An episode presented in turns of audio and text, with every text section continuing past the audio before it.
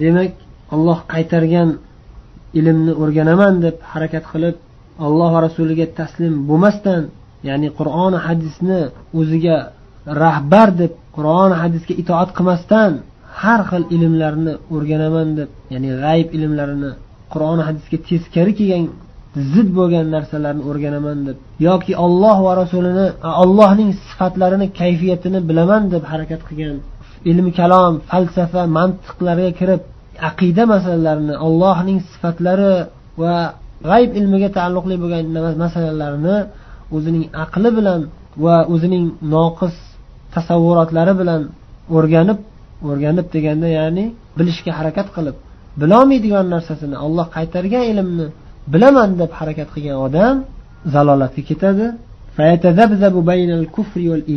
Deyaptilar.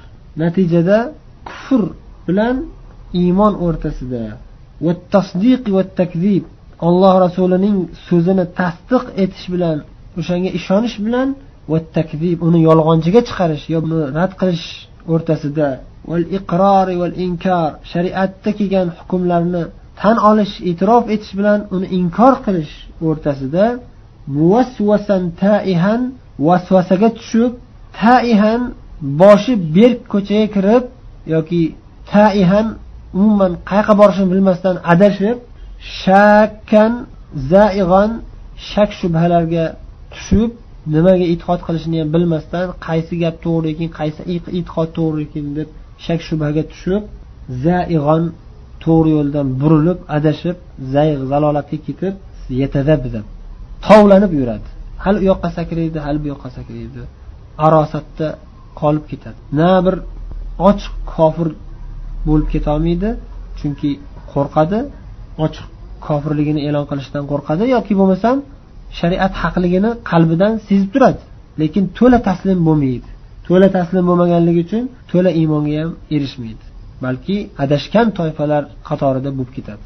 Ba'zi bir oyat hadislarni e'tirof etib o'shanga iymon keltirib ba'zilarini e aqlga to'g'ri kelmaydiku bu deb turib rad qiladi yolg'onchiga chiqaradi. Allohning sifatlarini inkor qiladi.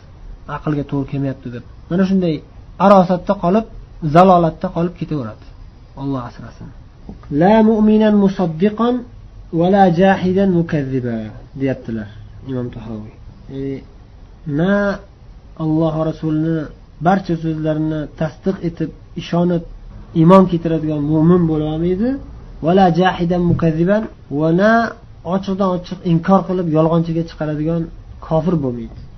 Na uyoqli na bu yoqli degan. Adashgan toifalar mana shunday bo'lib qolishgan. Bizlar musulmonmiz deyishadi lekin qur'on hadisga to'la taslim bo'lishmaydi. Qur'on hadisga mukammal ergashishmaydi.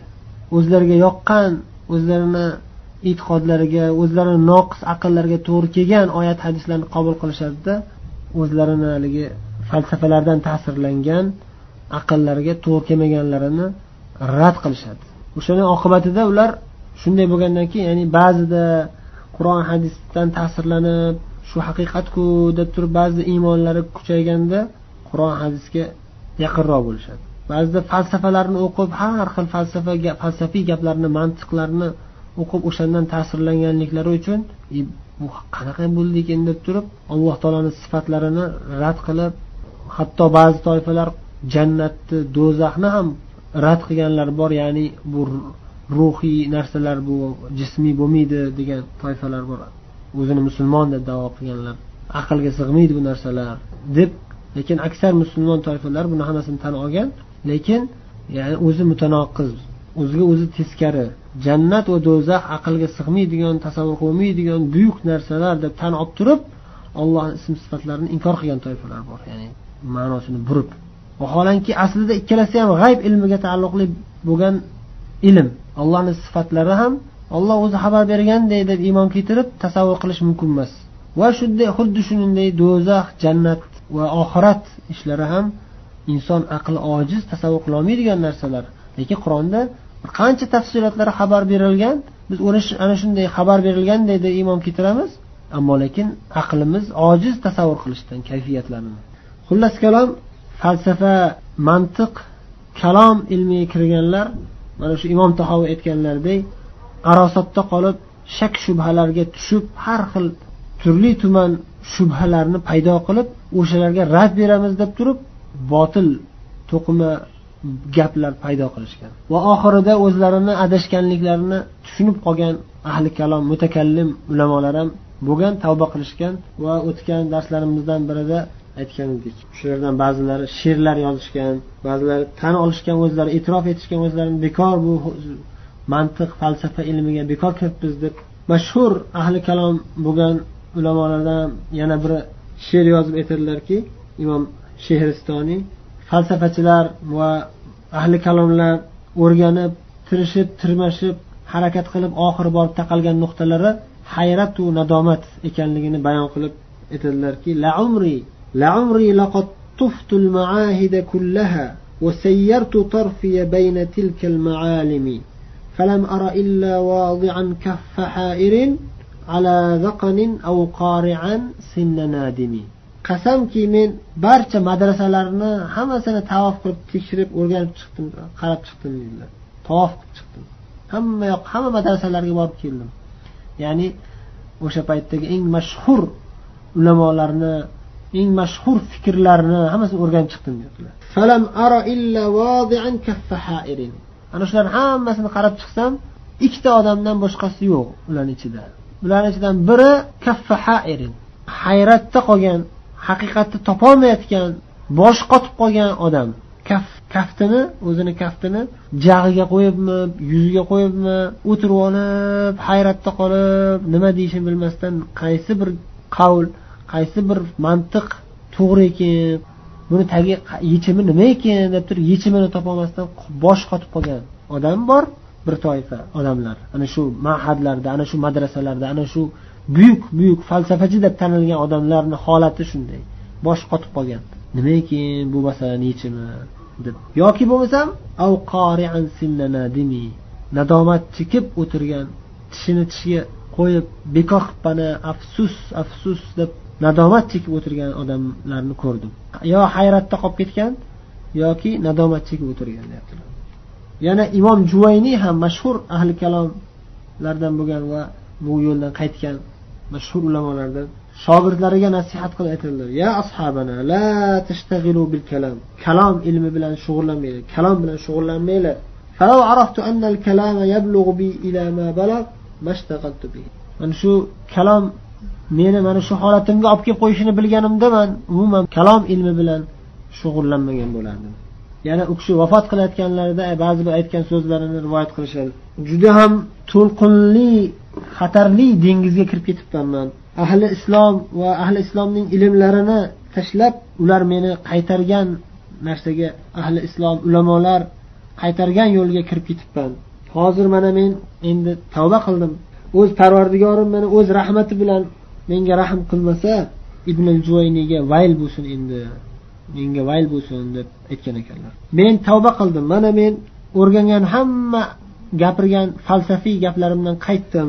Men o'zimni onamni aqidasida o'lishni umid qilaman. O'sha onamni aqidasiga qaytdim man yoki ba'zi bir rivoyatlarda naysobur qariyalari qaysi e'tiqodda bo'lsa man ham ana shu e'tiqodda o'laman.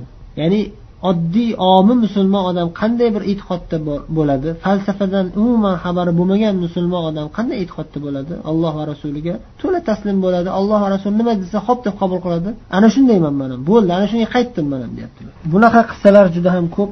Ya'ni falsafa mantiq ilmiga kirib qolib boshlari berk ko'chaga kirib qolib keyin oxirida ko'zlari ochilib tavba qilganlar ko'p. Ana shunday ulamolardan yana imom abu abdulloh muhammad ibn umar ar roziy u kishi ham shu ilmi kalomdan tavba qilib ahli sunna ilmiga qaytganlar va ulardan oldin imom abul hasan ashariy u kishi ham adashgan e'tiqodlarini rad qilib tavba qilib men imom ahli sunna ahmad ibn hambal e'tiqodiga qaytdimman tavba qildim deganlar va boshqa ko'pdan ko'p ulamolar bu yo'ldan qaytishgan. Bilmasdan shu falsafaga kirib ketgan ulamolar qaytishgan. Ilmi kalomni o'zi aslida jahl deyishadi ulamolar. Al ilmu bil kalami huval jahlu val jahlu bil kalami huval ilmu deyishgan. Kalom mantiq falsafani bilishlik bu jaholat johillik bu. Ana shundan bexabar bo'lish kalomdan mantiqdan bexabar bo'lish bu, bu ilmdir. Ya'ni iymoni salomat qoladi. Iymoni salomat qolgan odam haqiqiy ilmga erishgan bo'ladi. Va ulamolar salaf solihlar o'sha uch asr davrida o'tgan eng buyuk ulamolar hammalari bu narsani qat'iy qaytarishgan. Mazhab imomlari hammalari kalomdan mantiqdan falsafadan qat'iy qaytarishardi. Ana shunga kirmanglar shayton insonni boya aytganimizdek tinch qo'ymaslikka harakat qiladi. Har xil fikr hayollarni olib keladi. Har xil vasvasalarni topib keltirib odamni yo'ldan ozdirishga harakat qiladi. Lekin rasululloh sollallohu alayhi vasallam buning davosini aytganlar. Ba'zi sahobalarni ham shayton vasvasa qilib aqida masalalarida tavhid masalalarida adashtirishga harakat qilganda sahobiylar kelib hatto aytishgan rasululloh sollallohu alayhi vasallamga shunday hayollar kelyaptiki osmondan mani otib yuborilsa tashlab yuborilsa o'lib ketsam o'sha fikr hayollar kelmasa derdim. Xudodan qo'rqib ketyapman shayton har xil vasvasalarni olib kelyapti fikrimga deganlar. Sahobiylardan birlari shunda rasululloh sollallohu alayhi vasallam shu vasvasalarni rad qilib shaytonni vasvasalaridan o'zini olib qochgan odam haqiqiy mo'min bo'lishligini xabar berganlar. Shaytondan panoh so'ranglar shunaqa fikr hayoldan olib kelsa auzu billahi minash shaytonir rojim deb shaytondan panoh so'rab darrov ana shu fikr hayollardan qaytinglar. U narsalarga kirmanglar bilmaysizlar baribir tasavvur qilolmaysizlar baribir allohni sifatlarini degan ma'noda. Duoda juda ham katta gap. Duo musulmon odamning hamrohi bo'lishi kerak doim har bir ishda va xususan e'tiqod masalasida ham adashib qolishlikdan panoh so'rab doim alloh taologa duo iltijo qilib turishimiz kerak shuning uchun kechasi tahajjudlarda rasululloh sollallohu alayhi vasallam nima deb duo qilardilar اللهم رب جبرائيل وميكائيل وإسرافيل فاطر السماوات والأرض عالم الغيب والشهادة أنت تحكم بين عبادك فيما كانوا فيه يختلفون اهدني لما اختلف فيه من الحق بإذنك إنك تهدي من تشاء إلى صراط مستقيم جبرائيل وميكائيل وإسرافيل parvardigor bo'lgan ey olloh osmonlaru yerni yaratgan ey olloh ey parvardigor g'ayb va shahodat ochiq ko'rinib turgan ilmlarni ham g'ayb ilmlarini ham bilib turuvchi bo'lgan hamma narsani bilib turuvchi bo'lgan zot alloh sen o'zing bandalaring orasida hukm chiqarasan bandalaringni ustidan o'zing hukm chiqarib ularni kim haq yo'lda bo'lgan kim nohaq yo'lda bo'lgan o'zing bayon qilasan. Ular ixtiloflashib har xil yo'llarga kirib ketib qolishgan sen o'zing haq ahli haqlarni ajratasan. Ey ollohim o'zing meni odamlar haqiqatni topishda har xil yo'llarga kirib ketib qolgan ixtiloflashib ketib qolishgan yo'llardan o'zing meni saqlab hidoyatga haqiqatga boshlagin to'g'ri yo'lga o'zing boshlagin o'zing hidoyat qilgin. Albatta sen o'zing xohlagan bandangni siroti mustaqim to'g'ri yo'lga o'zing boshlaysan deb duo qilardilar. Sharhda imom ibn abil iz rahimaulloh aytyaptilarki ya'ni bu yerda rasululloh sollallohu alayhi vasallam xususan jabroilu mikoilu isrofil parvardigorini uchta farishtani alohida ta'kidlab zikr qilib o'tishlarini hikmati. Chunki mana shu uchta farishtalar haqiqiy hayot farishtalari alloh taolo shularni uchta hayotning rahbaridek uchta hayotga boshliqdek qilib qo'ygan jabroil alayhissalom vazifalari vahiy olib kelish allohning risolatini payg'ambarlarga yetkazish bu kishining vazifalari.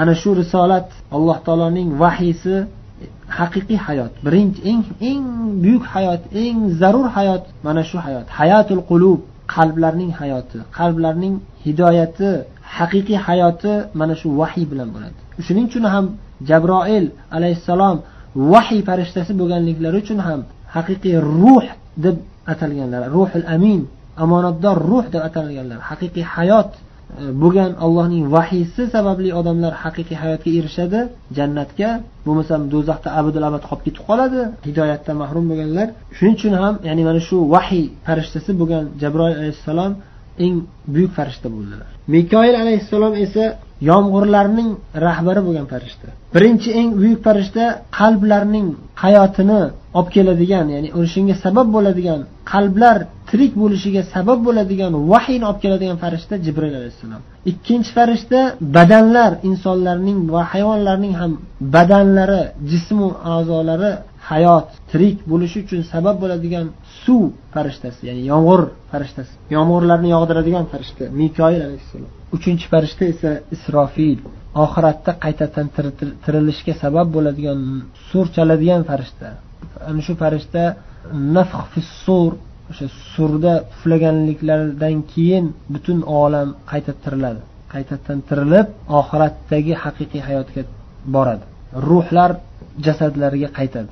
Demak mana shu uchta farishta hayotga taalluqli bo'lgan ollohning buyruqlarini bajaradigan ana shunga taalluqli bo'lgan vazifalarni bajaradigan farishtalar. Ana shularni nomini aytib alloh taologa e, mana shular mana shu farishtalarni parvardigor sen o'zingsan sen o'zingsan ey alloh taolo deb iltijo qilishliklari ya'ni haqiqiy hayot haqiqiy hidoyat haqiqiy baxtu saodatga sen o'zing muvaffaq qilgin deb duo qilish bo'ladi. Shuning uchun ham bu duo juda ham muborak duo va inson zalolatga ketib qolishidan salomat bo'lishiga eng asosiy sabablardan bo'lgan duo. Bugun shu bilan kifoyalanamiz. Allohu alam va sallallohu vasallam va baraka ala nabiyina muhammad. Assalomu alaykum va rahmatullohi va barakatuh.